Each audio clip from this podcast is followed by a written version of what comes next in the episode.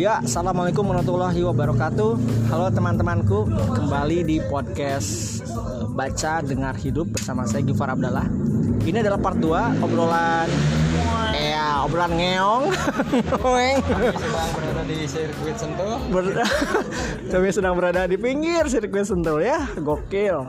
Bersama Deden M Sahid, mantan presiden obat panas ini ya, obat Adam Sari. mantan presiden dari Panas Dalam, masya Allah. Dan juga ditemani Mas Majira, juga ada Dedengkot ini, Podol Asu. Podcast online Angga Surangga bersama temannya Kang Eko. Oke, lanjut nih Mang Deden. Kemarin keputus. Ini biasa anchor maksimal satu jam. Oke. Padahal udah baru per- berapa pertanyaan tadi Kak? Baru Tadi, tujuh. Baru tujuh. Oke, Saya kita lanjut. ada tujuh lagi. Masya Allah, sejam deh. Oke, sikat Mang Oke. Den. Berarti eh, perasaan anda mah ketika menjelang tahun kontestasi politik teh kurang begitu ini ya. Ya, Tadi. artinya nggak nyaman lah gitu, nggak nyaman. Oh, Mas gitu. Haji juga sama berarti ya. Benar. Kira iya pertanyaan selanjutnya sa- sarwat deh. Kira. Eh, so, Oh iya. ya. Biasanya kan menjelang tahun politik itu mulai dari persiapan pemilihan eh ya memakan waktu kurang lebih 20 bulan lah sampai ha- hari election sampai hari nah, pencoblosan. Ya, Menurut Anda APK kan APK mah geus jauh hari. betul. Menurut Anda APK alat peraga kampanye itu eh, yang tersebar di ruas Jalan Bandung itu menurut Anda gimana? APK itu berkaitan dengan bagaimana petunjuk teknis ya Eh, ke arah sana atau ke lebih ke promo kampanye. promo promo kampanye. Oke. Dia mah lebih ke promosi kampanye.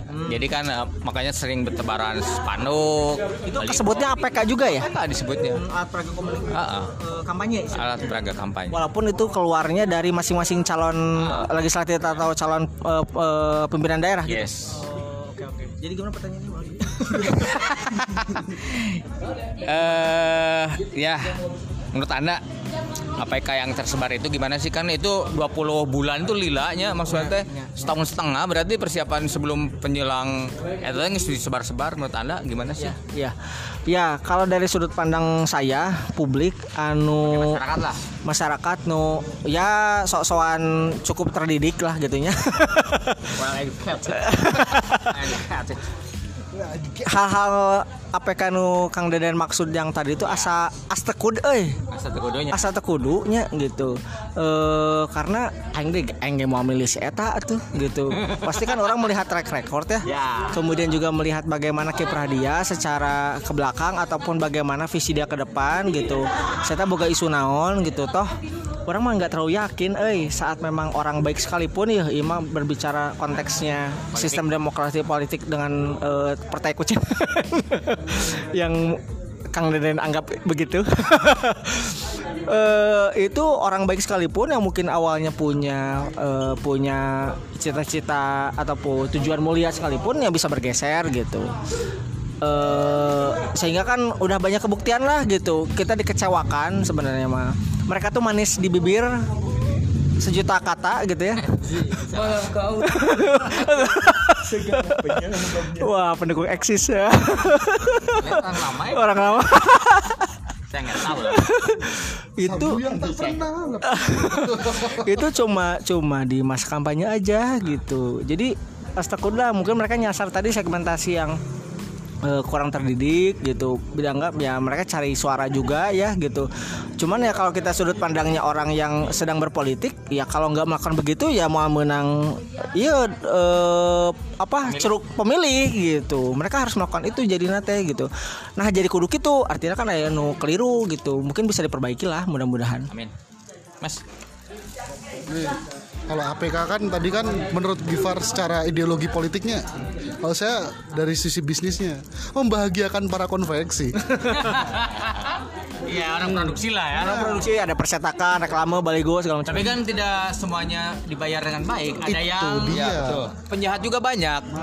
Makanya kalau kita Banyak. berpikir harusnya gini ya Ketika APK kan diatur KPU nya Harusnya dibikin satu inilah Satu pintu lah Maksudnya Ditunjuk gitu ya. Nah ditunjuk Ya misalnya apa kalau di Kemendikbud mah ada satu perusahaan percetakan eh, dengan standarisasi tertentu mana yang ditunjuk gitu maksudnya Enggak, enggak kan. Itu mah tuh jadi kayak potensi KKN, Pak. Jadi monopol jadi monopoli Ah, kan. monopoli, betul. Jadi gini Kang, misalnya kalau kita ngelihat para konveksinya, akhirnya ada yang dibikin, ditinggal weh gitu, iya, benar. nggak dibayar. Harusnya ada penjaminan dari KPU sendiri itu harus ngejamin misalnya, Eh, misalnya si konveksi ngelapor calon ini di tempat saya, bisa nggak dipus untuk eh, saya dijamin akan dibayar misalnya.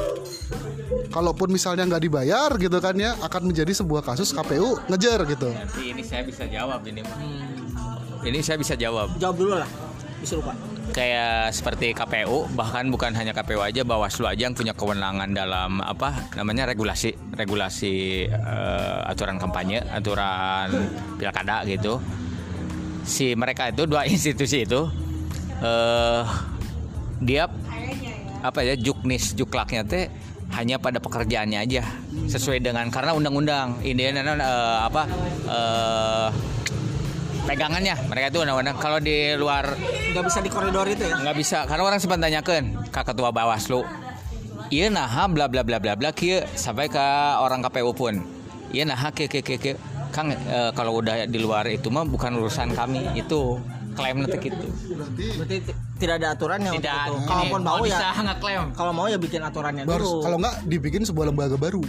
harusnya. Nah, mus- eh, tapi cuma buat ngurusin itu doang ya. Heeh. kok bisa tapi yang sebenarnya kan yang menjadi korbannya banyak sekali loh kan. ya Banyak sekali dan apakah kerugian kolateral yang di rakyat kecil lah ya gampangnya ya. Mereka cari uang tapi akhirnya ditipu oleh para calon ini dan calon ini maju kan kesel iya gitu kan. itu sering itu Sering. sering Nah, kalau saya sih lihat beberapa temen ceritanya begitu.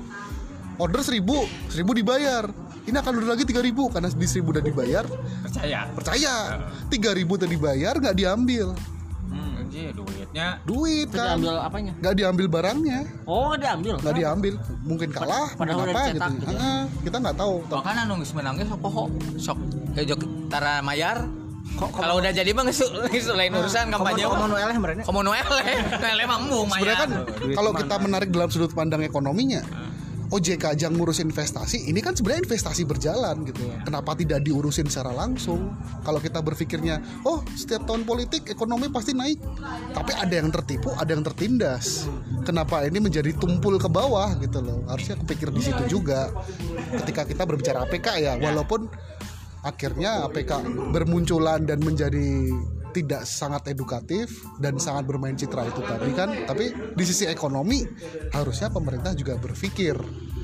Dan itu menjadi sebuah track lah akan dipidanakan mereka juga ada lembaga bantuan hukumnya dari pemerintah sendiri gitu loh. Disiapkan advokasi ya buat ya. advokasinya disiapkan. Ya saya berpikir sih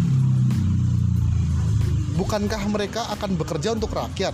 Kenapa awal-awal udah bodohin rakyat gitu loh dan pemerintah ketika akan menelurkan sebuah produk-produk politik dari orang-orang yang dipilih rakyat kenapa tidak mengamankan rakyat itu sendiri? Jadi akhirnya saya juga melihat sendiri pemilu itu kan pure untuk rakyat apa untuk kepentingan atau sebuah bisnis. Nah, pemilihan umum sampai ada orang Jogja tuh yang bikin lagu itu kan pemilihan umum telah menipu kita. Ujung-ujungnya hanya duitnya. Ya, jadi korban bukan satu bukan satu dua ya yang jadi korban. Jadi akhirnya lahir apa ya itu kan eh, kegelisahan yang telah terjadi yang jadi keluar dalam bentuk karya dan akhirnya kan itu terus bergulir dan kelihatan patternnya kan. Ini lagi ini lagi sampai mereka punya backlist wah dari ini mah nggak mau dari ini mah nggak mau tapi kan di sisi lain juga nggak bisa nolak juga. Orang butuh untuk cari duit juga. Kalau saya sih lihat dari sisi ekonominya ya. Karena ya seperti statement dari awal tadi kan kita kan udah bicara tiga prinsip manusia Indonesia secara garis besar yang emotif sangat citra sekali dan berpikir hitam putih gitu kan.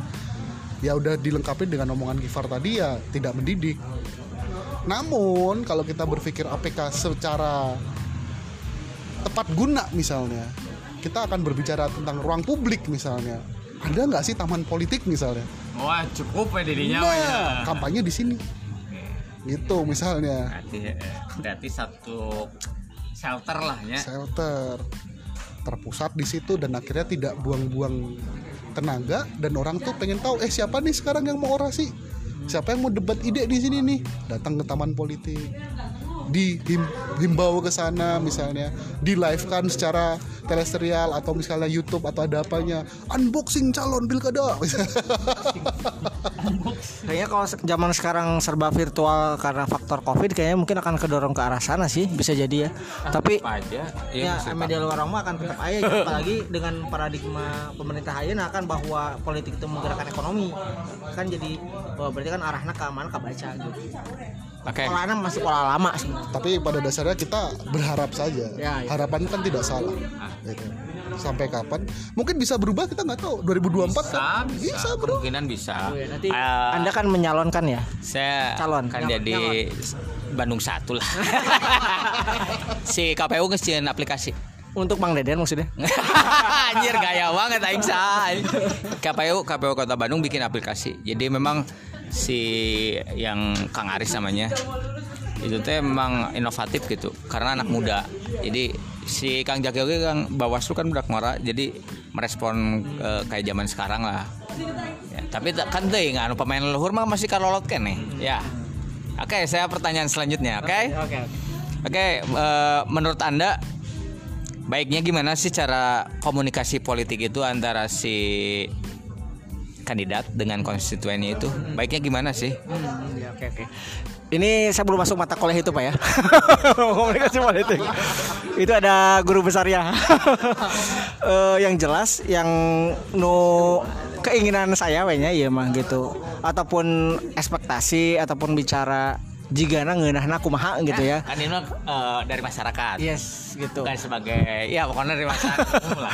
eh, bahwa bagaimana ya komunikasi politik yang seharusnya ataupun yang yang nyamannya yang dilakukan gitu ya eh karena kalau berbicara komunikasi politik kalau saya membaca bahwa itu kan sebuah ilmu terapan eh, dari turunan komunikasi yang dikaitkan dengan politik gitu bahkan sebetulnya berbicara model komunikasi salah satunya dari Harold Laswell asik Si Laswell Who says what to whom in which channel with what effect kan dia sebetulnya adalah ah, pakar eh, politik pak gitu. komunikasi Pas- politik. Justru Oh, dia politik. politik eh, maksudnya dia eh, dia tuh orang-orang ya? Heeh. itu sebetulnya mempelajari dari eh, politik pak gitu Eh, landasan adalah komunikasi politik. Nah sebetulnya kita dengan landasan itu bahwa Harold Laswell punya satu model komunikasi yang memang itu karena si Laswell itu sendiri adalah pakar komunikasi eh sorry pakar politik, gitu ya bahwa politiknya. yes bahwa eh, modeling who says what to whom in which channel with what effect itu adalah memang eh, pola politik gitu ya kampanye politik sehingga bagaimana seharusnya kalau ber- berlandaskan terhadap eh, platform itu adalah kita begin from the end dulu. Ini efeknya mau apa gitu. Bahwa efeknya adalah saya dicoblos sebagai calon legislatif gitu ya. Ataupun sebagai calon ya sekarang anda Mikola lewat. Disusul oleh mie kocok. Eh, itu eh, bagaimana efek apa yang ingin diharapkan? Sementara kan sangat ibaratnya direct selling kan? Sejauh ini bahwa eh, bahwa yang dihadirkan adalah bagaimana saya dicoblos saya dipilih saat di bilik suara saya dikenal namanya siapa wajahnya mana gitu. Itu kan efek itu yang akhirnya lebih direct gitu orang supaya dapat suara sehingga Yang kasar banget gitu ya. kasar banget. Eh, sehingga channel yang dipilih kan salah satunya media luar ruang gitu. Untuk dapil-dapil tertentu itu harus masih tetap berjalan kan gitu. Dipandang efektif jual tampang jual nama gitu. Apalagi kalau dia dari kalangan orang yang sudah dikenal atau public figure atau artis gitu berikutnya kan eh, tuhumnya gitu bahwa itu segmentasinya akan punya tersendiri.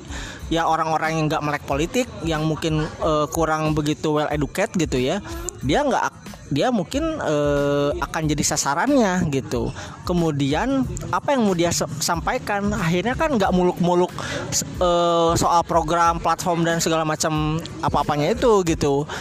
Yang boleh jadi itu pun bisa jadi lupa ya pas nggak nama sudah jadi mah gitu. Sehingga kan eh, yang dia katakan sesuatunya adalah ya udah wajah nama gitu. Pilih saya pilkada bla bla bla gitu. Sedikit kata-kata manis atau kata-kata mutiara. Ini Kang lagunya orang gila orang dengerin nih. Pilu pemilu. Dihimbau kepada masyarakat segera berkumpul di lapangan.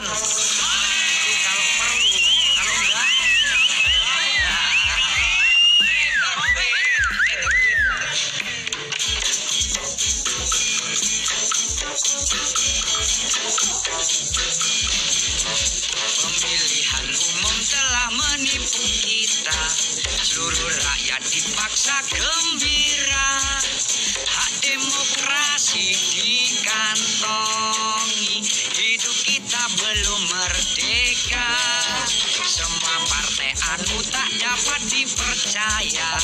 Ujung-ujungnya cuma duitnya.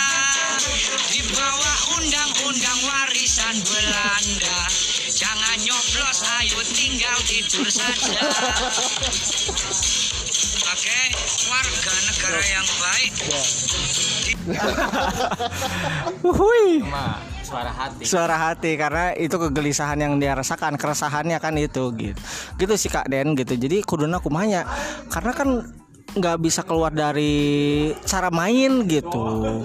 Erek harapan apa gitu bahwa perbaiki dong baligonya jangan perbanyak dong baligonya. Sekarang mulai diatur sedikit-sedikit ku KPU KPUD gitu ya. Diatur sama KPUD tong nyetak sorangan guys ku KPU ya. Ya kan? Ada jatahnya. jatahnya itu kan Eh, jatahnya itu sekian lah. 20 untuk satu. Supaya nggak terlalu brutal kan eh, nggak terlalu membabi buta gitu Karena di tempatnya juga diatur. nah nggak boleh di fasilitas umum, di nggak boleh di tempat ibadah, Ya. nggak boleh di tempat fasilitas negara yang dipunya negara terus ya.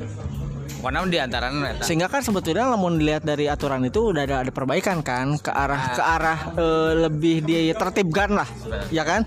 Ditertibkan. Sehingga kan tinggal berikutnya adalah eh, peningkatan standar kualitasnya gitu loh. Kudu aya pendidikan politik kudu nama. Artinya teh bahwa eh, si politikus ataupun siapa pun yang menjadi calon teh adalah ya dia punya peran serta hadir di tengah masyarakat atau kumaha bukti nyata lain ukur sembako pas kampanye gitu. Jadi menurut saya bahwa komunikasi politik citra branding melalui baligo begitu saja mah orang bisa bilang politikus yang ngandalkan gitu mah kampring gitu. Nora nggak nggak punya nggak punya ini lebih gitu.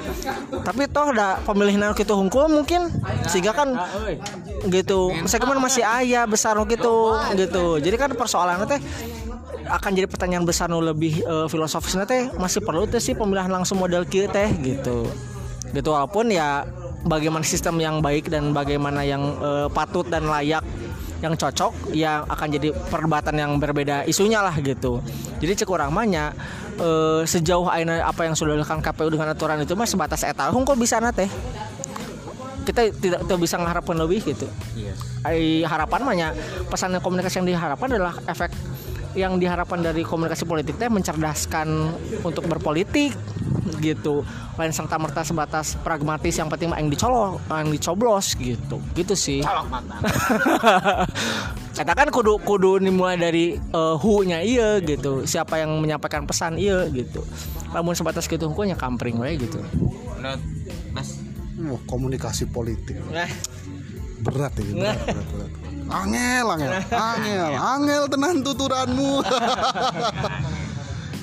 Kalau tadi kan secara teori Angel tuh angel. Angel. Ese kalau tuturan komunikasi tadi kan udah dijelasin secara Gifar ya. Kalau saya sebagai awam ya ngelihat. Ya, wah. komunikasi politik itu benar yang harus ada Geger edukasi kan di politik. BSBM. geger. Geger. Geger? Ah, geger. apanya? Ya jadi terpecah aja. Oh gitu? Saya gini lah. Pas pas pilpres. Iya. Oke. Kita tuh kalau pas pemilu tuh kayak mau milih nabi.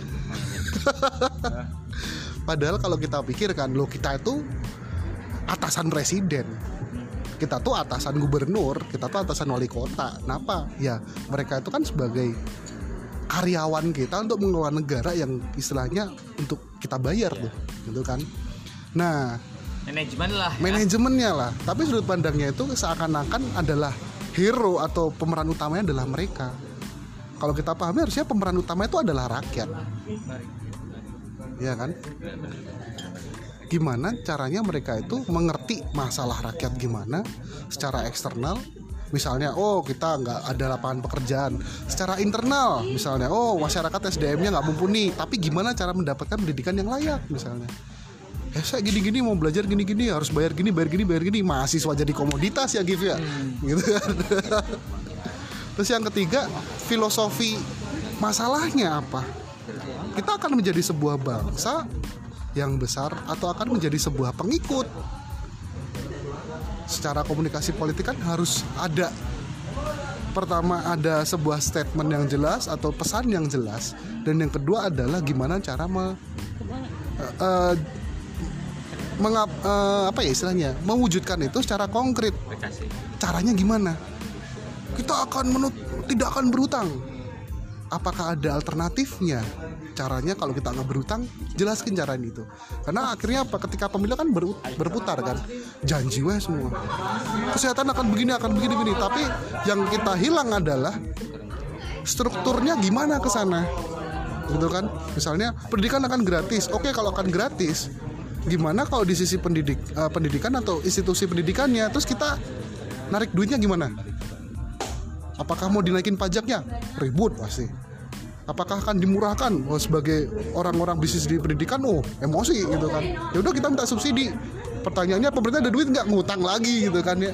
Sebenarnya jalurnya akhirnya komunikasi politik itu kita itu akan terbuai pada janji tapi kita tidak melihat ini tuh visip nggak sih? Jelas nggak sih gitu loh. Makanya saya selalu melihat kalau bisa ada calon-calon oke visinya apa? Pengen begini. Yang saya akan kritisi caranya gimana semua bisa berjanji loh saya akan menjadi akan lebih soleh tiap hari gitu kan. Caranya gimana untuk patokan solehnya misalnya? Yang nentuin anda soleh teh siapa gitu? Apa gara-gara oh saya si, apa ke masjid terus eh terus orang-orang berbicara oh itu orang soleh gitu kan. Itu kan sudut pandang yang tidak bisa diukur sebenarnya kan. Karena tingkat kesolehan Ya, seseorang abstrak. Bisa jadi dalam hati wah saya soleh karena saya eh, dipanggil soleh. Soleh solehun tapi akhirnya kalau saya Mang Oleh, Mang Oleh dahar. Oh, dading Mang Oleh. rasanya incredibly dog Kalau makan jadi Iron Man. iya. Dan kan sebenarnya komunikasi politik adalah masuk akal nggak sih? Itu yang harus diperjelas sebenarnya. Masuk akal nggak sih? Kayak misalnya punten-punten ya Donald Trump bilang make America great again. Tapi kalau baca ininya. Caranya konkret. Akan menutup perbatasan Meksiko akan menutup imigran gini gini gini gini. Kenapa? Karena kita harus menjadikan orang Amerika tuh bekerja di Amerika sendiri. Itu sebenarnya konkret walaupun agak rasial kan isunya. Itulah yang berhasil ketika Hillary kalah. Hillary kan dia kan jargonnya Hillary stand with us. Oke statementnya apa gitu kan. Dan pas dilihat programnya nggak jelas ting gitu. Gampang. ngampang weh gitu loh. Masih ngawang-ngawang. Masih ngawang Trump konkret walaupun dia eh, ini nabrak. Nabrak. Ya, ya betul. radikal gitu kan. Nah pertanyaannya ketika ada seorang konservatif Iya. bener. Yang penting jelas weh gitu kan. Ya. nah kita berbicara komunikasi politik ya. Ya nggak cuman branding dong. Ada nggak agendanya? Walaupun misalnya gini eh, lawannya mempunyai agenda. Dan dia takut ini dicontek sama lawannya. Tapi kalau ini selama baik dan lawannya akhirnya menang dan dia minta programmu bagus aku boleh nggak ngambil? Kalau untuk ke- eh, for greater good atau kepentingan yang lebih baik ya harusnya nggak apa-apa dong. Itu kan buah pemikiran dari anak bangsa. Tapi wah saya sembunyikan. Nanti akan dicontek. Ya sorry loh pak. Kita tuh di sini tuh ingin bangun bangsa. Bukan pengen menang-menangan daripada kita berkompetisi kenapa kita tidak berkolaborasi? Kita gitu kan. Ini suka banget kolaborasi. Oh iya kolaborasi.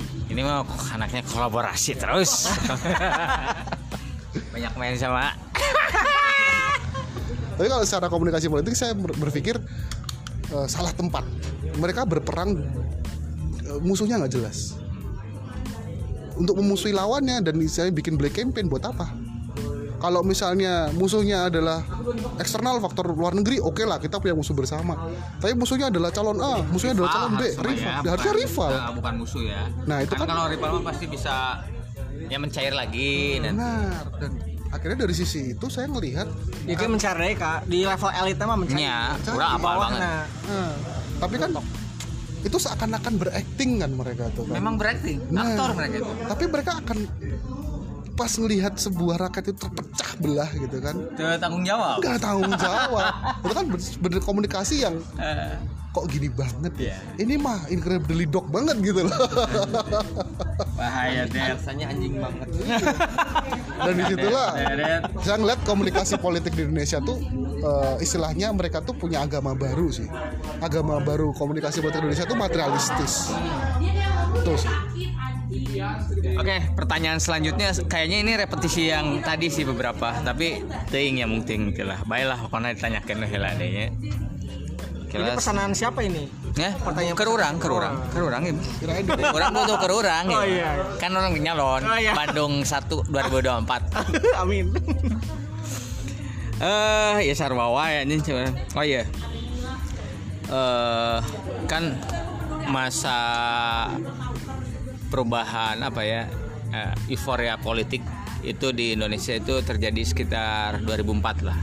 Ketika masa era pra reformasi baru wah Reformasi. Oh iya. Panher pasca pasca eh pasca salah 98 sampai perubahan 2004 akhirnya lah. Ungu, pas ungu. pasar ungu pasar ungu jadi eh, ada euforia. Sampai saat ini kan masih eh, fasenya fase belajar bener cek Mas Haji tadi. Kan selama 15 tahun ini teh apa privatisasi ruang publik oleh institusi-institusi tertentu? Ya dalam hal inilah partai politik dan caleg-caleg lah. Karena orang fokusnya ke eh, kampanye politik. Ya, dan dan media luar ruang privatisasi yang dilakukan selama 15 tahun ini menurut teman-teman Privatisasi terhadap apa? Media ruang. eh, ruang publik ruang eh, privatisasi ruang publik Oke. oleh partai. Ha, untuk apa menurut teman-teman gimana sih? Saya eh, mengomentari 15, 15 tahun ini Oke, mau komentari itu saya iyalah mention ataupun nyebutin salah satu eh, baligo yang buat saya teka harti maksudnya naon. Yaitu di di saya sebut eh, beberapa spotnya ya. Salah satunya di Jalan Laswi. Eh, kemudian kemudian sebelum bukan yang berlabel eh, parpol Pak. Eh, yang dek- terus deket Masjid Al Ukhuwah ada seseorang kacamata kumisan bapak-bapak kita erek jual kardigan Erek mana, jual kacamata atau naon? Tapi tenyal tenyalon kan Teu nyalongkeun ting naon hayang naon di, ngaran ditulis henteu gitu. Jika nama jualan kacamata ting wah tuh gawe ting jual kardigan. Orang apa aja mana saha nya apalah gitu. Si, si bapak ente rek naonan sih. Pogo pogo tak jadi wali kota atau Ya, deh titik di lima spot strategis. Orang kaya. eh, orang kaya. Jadi ting naon maksudnya. Jadi maksud orang pakai kardigan. Cing atuh itu erek pamer iya gitu kacamata alus kumis alus gitu. Alus biasa lah nya ini gitu. aktualisasi diri ya kan di mana apa? Perform art Eh, gitu. Mungkin dia gelisah loh. Eh, Gelisah. Kebanyakan duit.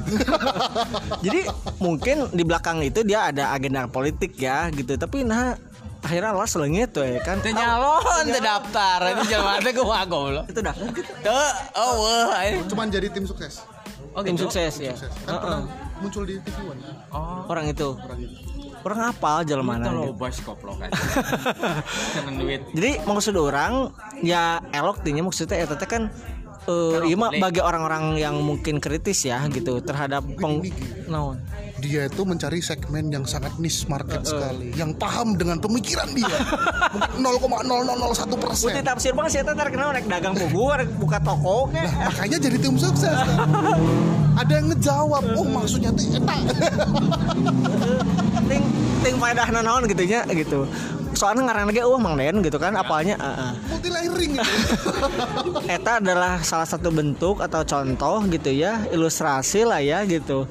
Itu space yang mungkin eh, bisa jadi faedah bisa jadi estetis gitu. Atau sampah visual. Jadi fans visual nu teka harti hayangna naon? gitu. Eh oke lah aja jelema oge nu coblos saya oke lah eta ge geus geus ngaganggu buat saya mah nya gitu.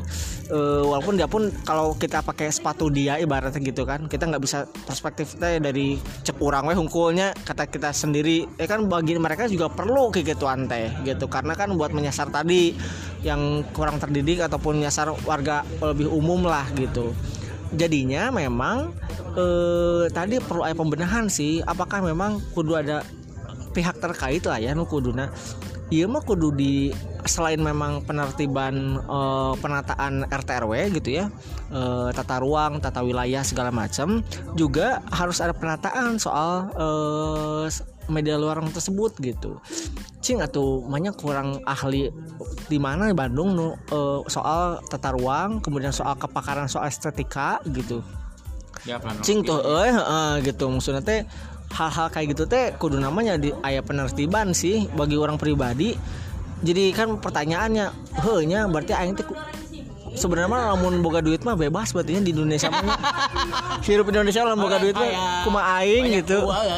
gitu ya. Jadi hak-hak anu publik anu teu boga modal teu boga dompet eh, tebal mah gue. telah gue gitu. Oh kieu nya gitu. Take it for granted we gitu tampil we da Salah gue. aya anu pamer kacamata teh rek jual kardigan teh gitu jadi kan kan Tapi tepung itu, itu mengganggu sumpah. Orang kan se dua tahun sebelum pemilihan itu tinggal masangnya di mana nih. Cing ya jelma sahnya nih. Kok belum kira duitnya? Eh, oh ngarana seri, iya. mungkin dia mau bikin bikin meme Pasan last week. Heeh, nah ya Waktu kencana. Heeh, nah jadi Pak ke- dia ini kan traumatisasi Rano Karno. Ya jadi ya gitulah maksud orang teh. Eta kan geus sampai ke banalnya gitu. Eh, ruang-ruang publik ruang public space nu kuduna ditata rapi ngeunaheun ngadidik gitu. Ataupun tadi penertiban bahkan juga bisa jadi ikonik gitu ya eta teh kudu kudu aya orang pasti kewenangan ada di pihak terkait lah pemerintah khususnya gitu Iya sih, betul. tapi aing mah ngomong ngomongkeun harapan pemerintah teh sok eh, ieu euy Atul ya? atau tikoro gitu maksudnya jeng ukur ngabudah hungkul gitu da da nya ujungnya mana nggak salah kumaha karepmu lah gitu kita tong berharap gitu karena eh, undang-undang. iya gitu eh mora nonton nu zaman Babilonia gitu kan udah udah serangan gitu. Nah artinya teh nya geus lah eta eh, cara mainnya geus gitu lahan mainnya geus lah jangan lahan main yang lain lah gitu. Oke, Mas, Mas Haji. sebenarnya itu orang bingung.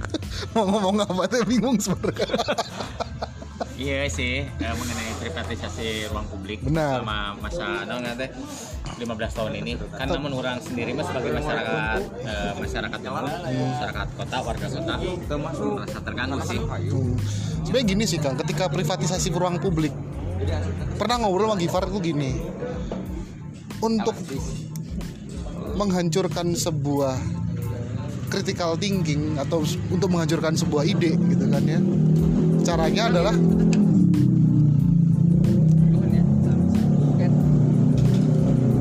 untuk menghancurkan sebuah ide itu sendiri itu adalah serang tempatnya ketika orang itu tidak bisa berkumpul. Untuk menghancurkan sebuah ideologi serang sumbernya gitu kan. Serang sumbernya. Akhirnya apa? Orang akhirnya mendapatkan pemahaman yang akhirnya melenceng. Teorinya adalah ketika ada sebuah hal yang benar tapi orang eh, ada se- seseorang yang tidak ingin kebenaran ini terungkap akhirnya apa? Ditutupi dengan kebohongan seribu. Gitu kan. Nah privatisasi ruang publik ini kita harus tanya dulu nih cita-citanya apa? Gitu kan.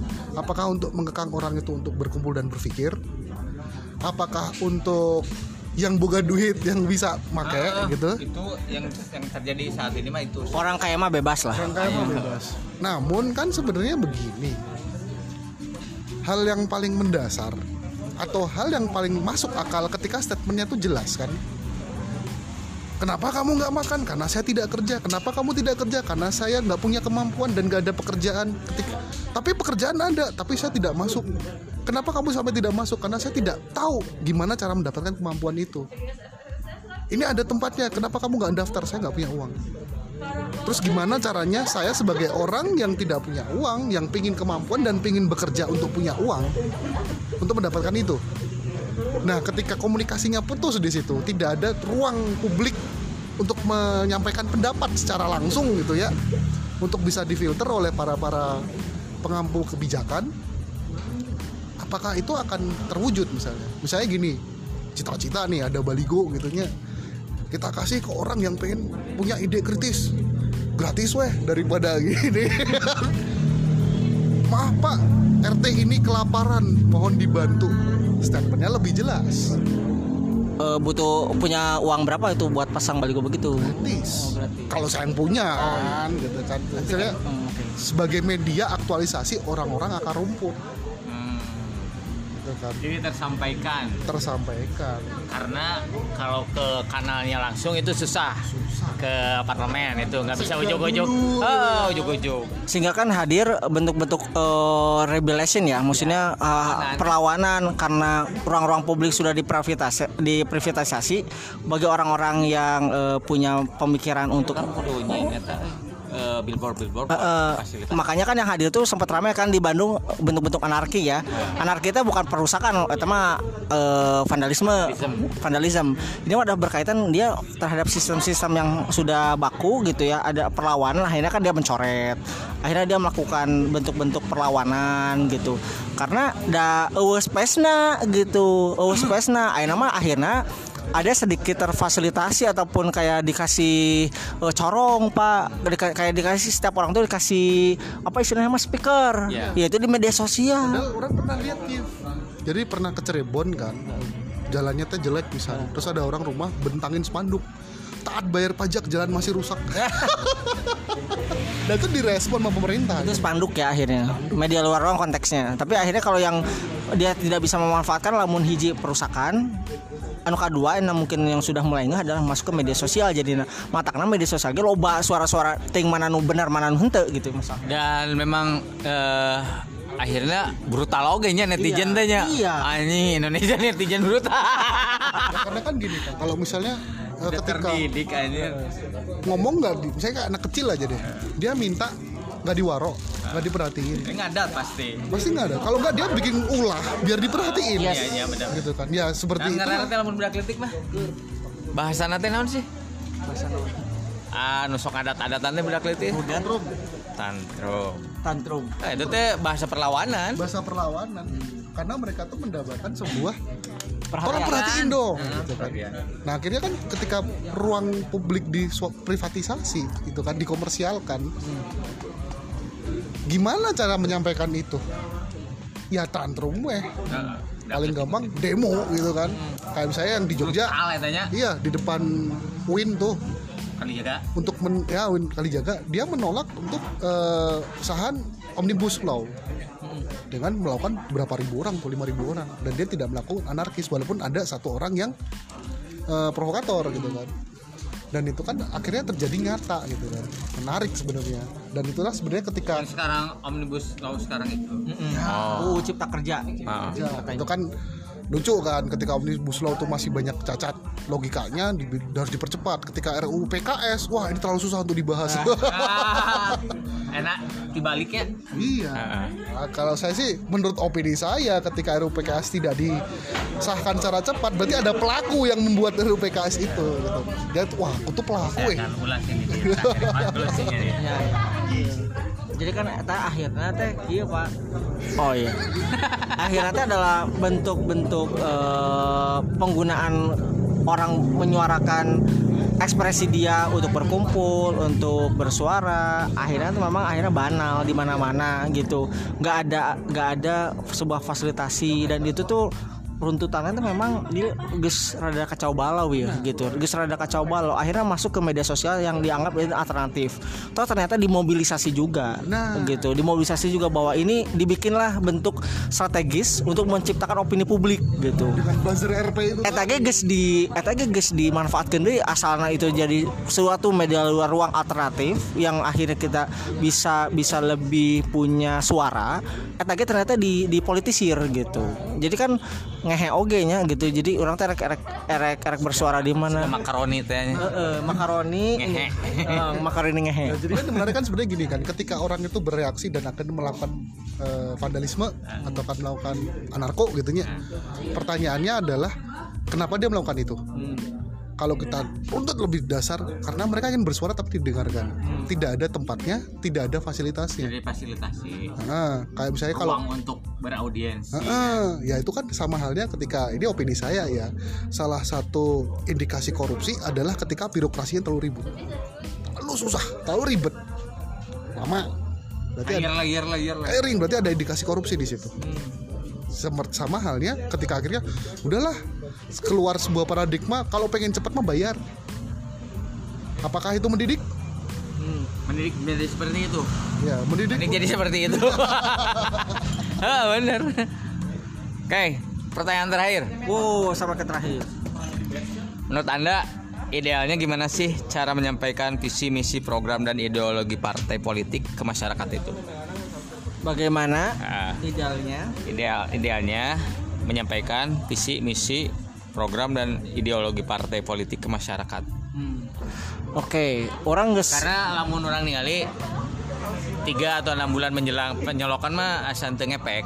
Ya benar teh? Ya ya ya. menurut orang. Orang kecenderungan memang sudah ke tahap memang sudah lama sih skeptis ya Oh. gitu. Artinya tuh skeptis tuh ragu dan nggak terlalu punya keyakinan gitu terhadap keberadaan partai politik gitu. oh Kehadirannya ya sebatas mengisi kursi dan juga eh, inilah semua partai mem- tidak dapat dipercaya membuka kantong-kantong inilah penyerapan dana lah Oh, gitu yes. sehingga eh, bentuk-bentuk komunikasi yang disampaikan oleh mereka pun pada ujungnya adalah untuk menipu gitu sorry ya rada keras. Jadi hati iya dikeluarkan. artinya memang eh, erek dibenarkan cara komunikasinya. Yang lebih fundamental adalah benahi dulu perpolitikannya pak gitu. Perpolitikannya dulu bahwa orang-orangnya cara bermainnya gitu. Ini kayaknya udah banyak kekotoran lah gitu. Eh, di area permainan ini gitu. Artinya ya sampai kapan gitu? Erek kikituan. Sekarang mulai mulai muncul arus yang akhirnya mempertanyakan kembali eh itu aing teh nanaon ujung nama dimanfaatkan unggul lima tahun sekali. Yang lain pihak di lain pihak ada yang memang diman, diuntungkan di lima tahun sekali teh gitu.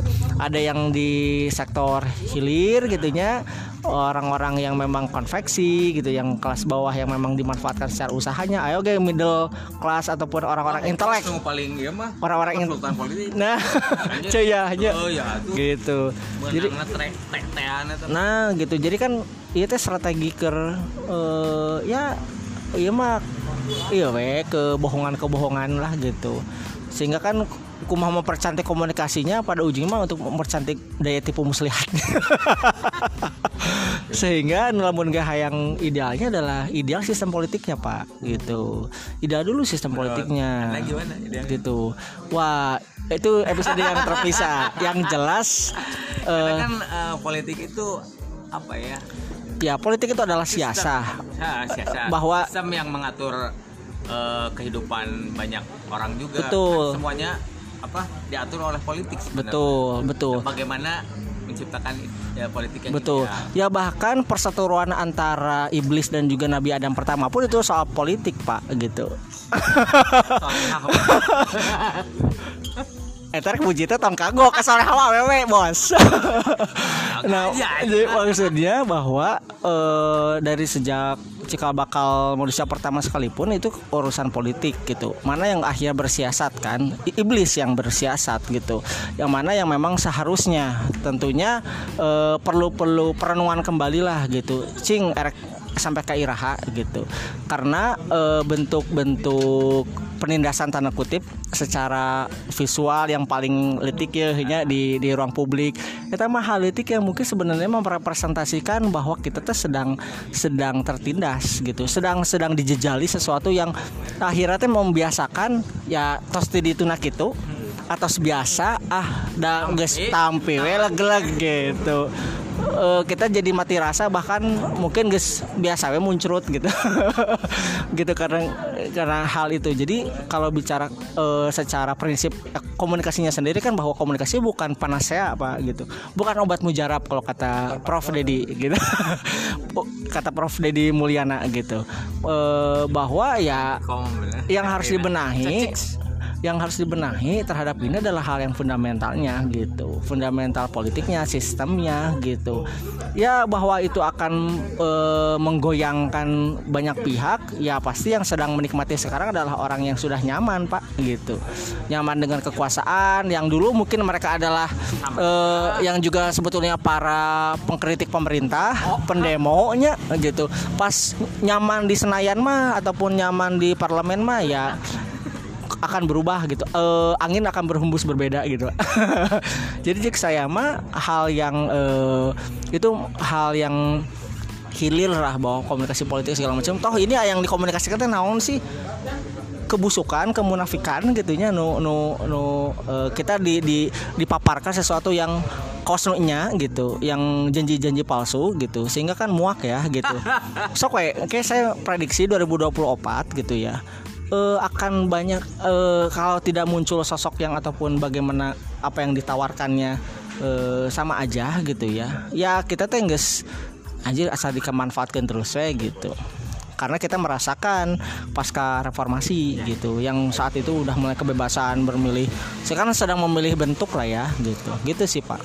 Menurut saya. masuk ke parlemen Es, tapi suara satu saya mungkin dianggap kayak ini aja pak kayak buih kan salah satu satu satu banyak yang seperti punya pemikiran ini kan bisa Nah. jadi perlawanan Betul, menariknya kita main di luar gelanggang lah. di luar di luar ruang-ruang itu karena pasti yang saya bayangkan eh, ini banyak-banyak repetisi lah. Maksudnya pengulangan-pengulangan kondisi nu ganti aktor aja ya gitu. Kayak Di lain. Hmm, Udah selesai belum? udah segitu dulu. Nanti mungkin nambah. Aku dari lain sih. Saya gini, kalau kita ngelihat repetisi partai politik ya, atau politik itu sendiri ya, mereka tuh based on momentum. Ketika mereka berkuasa, mereka meroyek gitu lah, mengpeng membeng. mengpeng ya Iya, ya istilahnya memproyek alih-alih ini membangun bangsa. Tapi kalau misalnya Ah, itu idenya, mah teh kucing. nah Kata Mang Deden. kalau idenya kita balik misalnya partai politik gimana caranya dia bukan mencari sebuah sosok yang bisa dieksploitasi untuk akhirnya menjadi seorang pemangku kebijakan dan di situ duitnya diambil atau proyeknya diambil. Nah, gimana kalau kita balik misalnya Kang di ranah paling dasar misalnya kata partai politik mereka mau menang atau bukan uh, di dalam pemerintah atau di luar pemerintah mereka udah bergerak dulu. Misalnya oke partai politik ini kita tidak berpikir tahun 2024 apa yang kita akan bisa lakukan sekarang? Partai politik A misalnya saya akan concern terhadap kreatif. Mau menang mau kalah bodoh amat. Yang penting saya akan bikin sebuah ekosistem kreatif Nah, di situ kan akhirnya track record dia akan tahu ini orang teh bikin gini tuh buat apa sih gitu kan. Dan ada hasilnya, ada track recordnya dan muncullah orang-orang baru yang ada hasil dari program dia tanpa harus embel-embel menang gitu loh. Di saat itu orang kan berpikir orang ini teh tulus. Partai politik ini teh semua programnya gerak padahal tidak menang. Ya udahlah, saya percaya deh Maeta. pada dasarnya eh, kerja politik itu apa intinya bukan kerja politik aja sih. Membangun peradaban eh, masyarakat tidak cukup hanya tiga enam bulan saja. Memang harus berkelanjutan visinya apa. Dan di kita menjalankan partai ya pemerintah yang kita dekat aja maksudnya pemerintah kota aja visinya juga nggak punya. Dan di bawah mana kita apa Itu yang bilang Mang Deden. Iya, oke guys. Jadi akhirnya hanya tidak punya arah gitu. Jadi akhirnya kalau dari konsep konsep yang saya pikirkan akhirnya gini, partai politik jangan cari duit deh. Mendingan mungkin ya. meng- ngelontorin duit untuk membangun sesuatu. Sebenarnya kewajibannya ada ketika masa reses. Mm-mm. Kewajiban si para eh, anggota dewan yang udah terpilih di parlemen itu ada uang reses itu tuh. Set- eh, setahun teh dua kali reses kalau nggak salah ya per enam bulan. Setiap kali reses teh orang nanya orang terakhir mah dulu dulu itu gope. Untuk eh, ngebiayain program di konstituen yang milih dia gitu.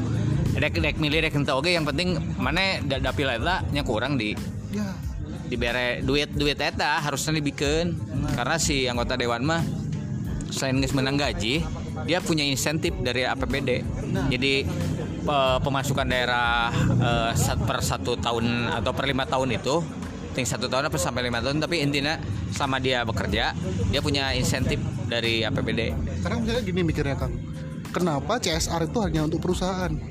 Kenapa nggak partai politik? Ya, partai politik wajib ditarik CSR-nya misalnya. Karena apa? Dia harus membangun sebuah peradaban atau bangsa itu sendiri. ya. ya dipaksa gitu loh. Karena apa? Ya jangan bilangnya tuh akan membangun ini tapi kalau menang sebelum kalian menang ya kalian bikin dulu lah. Iya kontribusi. Kontribusi dulu gitu loh. Ya membangun peradaban masyarakatnya ya. Benar ketika itu akan terbangun dan orang akan sadar. Iya Cu- jadi cuman eh, itu akan di luar proporsinya, di luar kewenangan konteksnya lagi aturan atau apa pun soal partai politik. Nah. Gitu karena partai politik dibebani hal semacam itu dia akan in- itu bukan tanggung jawab partai politik. Akan akan berdalih begitu. Nah, tapi gini Gif, kalau misalnya kita konsepnya akan kebalik gitu kan ya. Ketika Anda akan masuk politik, itu akan di start ketika Anda menjadi kader politik, karyamu apa? Gitu kan. Oke, kamu nggak punya karya, kamu akan berkarya apa? Jangan pernah berpikir kamu akan berkarya ketika kamu menang. Istilahnya ada sebuah pendidikan politik pada kader-kader politik itu sendiri. Untuk kamu di level sana, di level Senayan atau wali kota atau gubernur, kamu harus belajar dulu jadi gubernur. Dengan apa? Bikin sebuah mini gitu, misalnya mini politik. Oke, saya akan concern terhadap atlet dan pengembangan anak muda. Ya. Apa programmu? Dah, kita bikin. Duitnya dari mana? Kamu akan main politik bukan kamu ngambil duit rakyat, tapi kamu harus kasih duit ke rakyat. Gitu kan. Kamu harus bikin pemberdayaan ke rakyat. Bermodal lagi dong, sama aja. Iya, tapi modalnya akan ke rakyat, Oh. bukan ngambil dari rakyat gitu loh. Nah dari situ akan terbentuk konsepsi politik adalah kalau kamu nggak bisa mikirin program untuk rakyat, ngapain kamu ke situ? Sehingga bisa begitu kan harus ada akhirnya kan eh, cukup radikal tuh akan mengubah tata aturan politik. Nah, perpolitikan secara partai politiknya, sistem pemilihannya, kemudian bagaimana yang menjadi eh, calon legislatif itu kudu standar yang baru. nah pertanyaannya adalah apakah perubahan itu salah? Hmm. Gitu kan? Perubahan harus dibikin kan. Kita pernah ngobrol kan, eh susah lah kalau kita mau ngam- ngandelin government, Ya, kita harus bergerak sendiri dulu. ya, Sampai government paham apa yang kita lakukan dan dia akan akhirnya support, Ya. gitu kan? Bukan cuman jadi roll nggak Hmm, jual dulu pak saya punya proposal ditolak. Oke, proposal ditolak. Betul. Karena udah 52 menit ya. Iya. Ngomongnya ngeselin. Oke. Eh, terima kasih buat waktunya Kak Gipar. Sebenarnya saya akan eh, highlight. Jadi eh, tadi no undang-undang nomor 7 nom eh nomor undang-undang 32 apa nomor eh nomor undang-undang 7 terus undang-undang 32 nom, eh, tahun 2017 teh mengenai apa sih tadi teh? Kode intinya mah gila bahwa ketika banyak pelanggaran pelanggaran penggunaan apa privatisasi ruang publik eh iya na teh non aturan teh regulasinya tidak kuat. Kenapa coba? Karena yang bikin aturan teh orang-orang dewan. Jadi masih bisa memproses dia mungkin akan mencalonkan diri periode berikutnya. Jadi itu teh memang tuh kuat. Dan si Bawaslu KPU itu tidak punya kekuatan. Dan memang udah dijatah. Satu inti nama kia temenang sembarangan. Anu tadi beberapa tempat lain sebagainya. Eh nges dibatas sih sebenarnya. Satu partai itu ya. Oke dapil ini harusnya mah nggak boleh. Gipar colok gipar gitu hiji-hiji ente jadi satu partai namanya siapa aja di dapil ieu teh jadi kabehana ngaran matakna ngecover semua harusnya gitu. Tapi kan ambisi tiap orang beda gitu. Akhirnya UU itu nggak jadi. Ah iya tapi itu kuat. Karena itu bisa di ya oge jadi antepkeun we dan dan ngurus teh harusnya kan yang membersihkan kembali si APK oge partainya tapi ternyata enggak satpol akhirnya. Mah intinya mah harus ada pemimpin kota sih yang berani. Eh nu berani ngalabrak naon ngan teh? Kan loba yang sungkan sih sebenarnya. Karena yang punya otoritas ngelabrak naon aturan? Enggak. Ayat tengenah teh nih ah itu mah di partai ieu tengenah orang mau lihat kata ya mau naik di bantai bantai kabeh meskipun di partai manehanana. Karena sampai saat ini aturan teh nggak langgar kabeh partai politik teh semua. Ini ingin direkam sama kan? Dan ini tidak diedit. Benar. Jadi memang temenang eh, menampilkan wajah bahkan di billboard yang berbayar pun yang legal gitu. Kan beda dengan anu nangan teh eh, baliho anu dipakai awi. Eta mah kan eh, ilegal ya lolobana bahkan anu di billboard oke temenang atuh secara aturan mah. Nggak boleh menampilkan wajah eh ya kan loba eh, ieu nama naon ngaran teh? Eh, alasan mah namanya lain alasan ngaran teh? Eh intinya menampilkan image dia temenang sih sebenarnya. Kalaupun boleh di billboard pun hanya logo partai visi misi udah. Perang konsep berarti. Ah, itu. Udah 55 terima kasih ya. Oke makasih. Eh, saya belajar di plan politik eh, predik Albert Siptung. Jadi bagaimana mengelola negara di sini saya? Uh mau bikin negara lagi pak? mau bikin dong. Bentar lagi. Dua jam lagi lah bikin negara. Ya, eh, yang saya pahami Pak bahwa sebenarnya kudu loba masyarakat atau publik itu sendiri yang eh, ber ini ya berintrospeksi lah gitu. Pandangan saya bahwa bencana itu bukan cuma bencana alam Pak ada teh. Yes. Ada bencana sosial artinya eh, bentuk-bentuk apa akhirnya degradasi moral segala macam gitu ya sama sama bencana politik pak apa itu Bener. Jadi bagaimana bagaimana ya yang berkuasa ataupun yang memimpin kita yang mengatur mengelola eh, pemerintah yang memerintahkan kita ya orang-orang yang eh, palsu semua gitu, yang munafik semua, yang zolim barangkali juga gitu. Jadi kudu introspeksi karena mungkin kita nage masih nyaman gitu. mau Itu menerima mau menerima begitu saja karena ya di penutup akhir eh, podcast baca hidup dengar ini yang kali ini kita membaca soal ruang publik ruang nih. Oh iya, nanti lah. Aja. Eh, kita membaca ruang publik, kemudian membaca media luar ruang, keadaannya sama politik. Eh di satu meja di satu kafe, sebut nama? Kafe KPKK ini Kafe kakak. punyanya Purkon Purkon tuh yang tadi. Oh iya lewat. dia jadi sekjen PSI ngegantikan si Ojot. Biasa politik. Nah, kita duduk di satu jadi ketua Muhammadiyah Jabar kita duduk di meja nomor 12 di situ ada kutipan eh, Agus Salim, kayak Haji Agus Salim bahwa memimpin adalah menderita.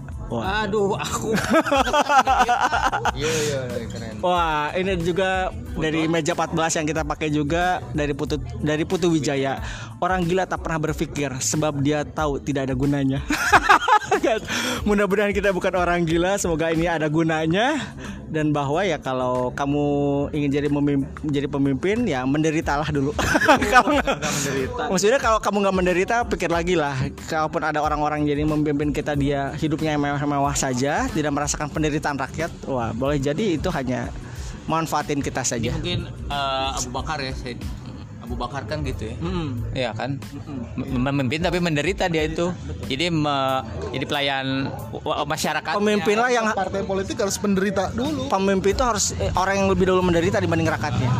Oke, itu saja podcast kali ini. Senang sekali diskusi sama Kak Dedens, calon Bandung 1 2024 juga Mas Majira, juga ada ini Angga Surangga Asu. Kang Eko bawa gitar. Iyo i. Sampai jumpa di episode berikutnya. Mudah-mudahan tidak ada manfaatnya. Eh, simak terus kalau kamu mau interaksi, kenalan dan juga diskusi. Kalau nggak suka, kirim kamu. kirim email di deskripsi. Oke. Wassalamualaikum warahmatullahi wabarakatuh. Terima kasih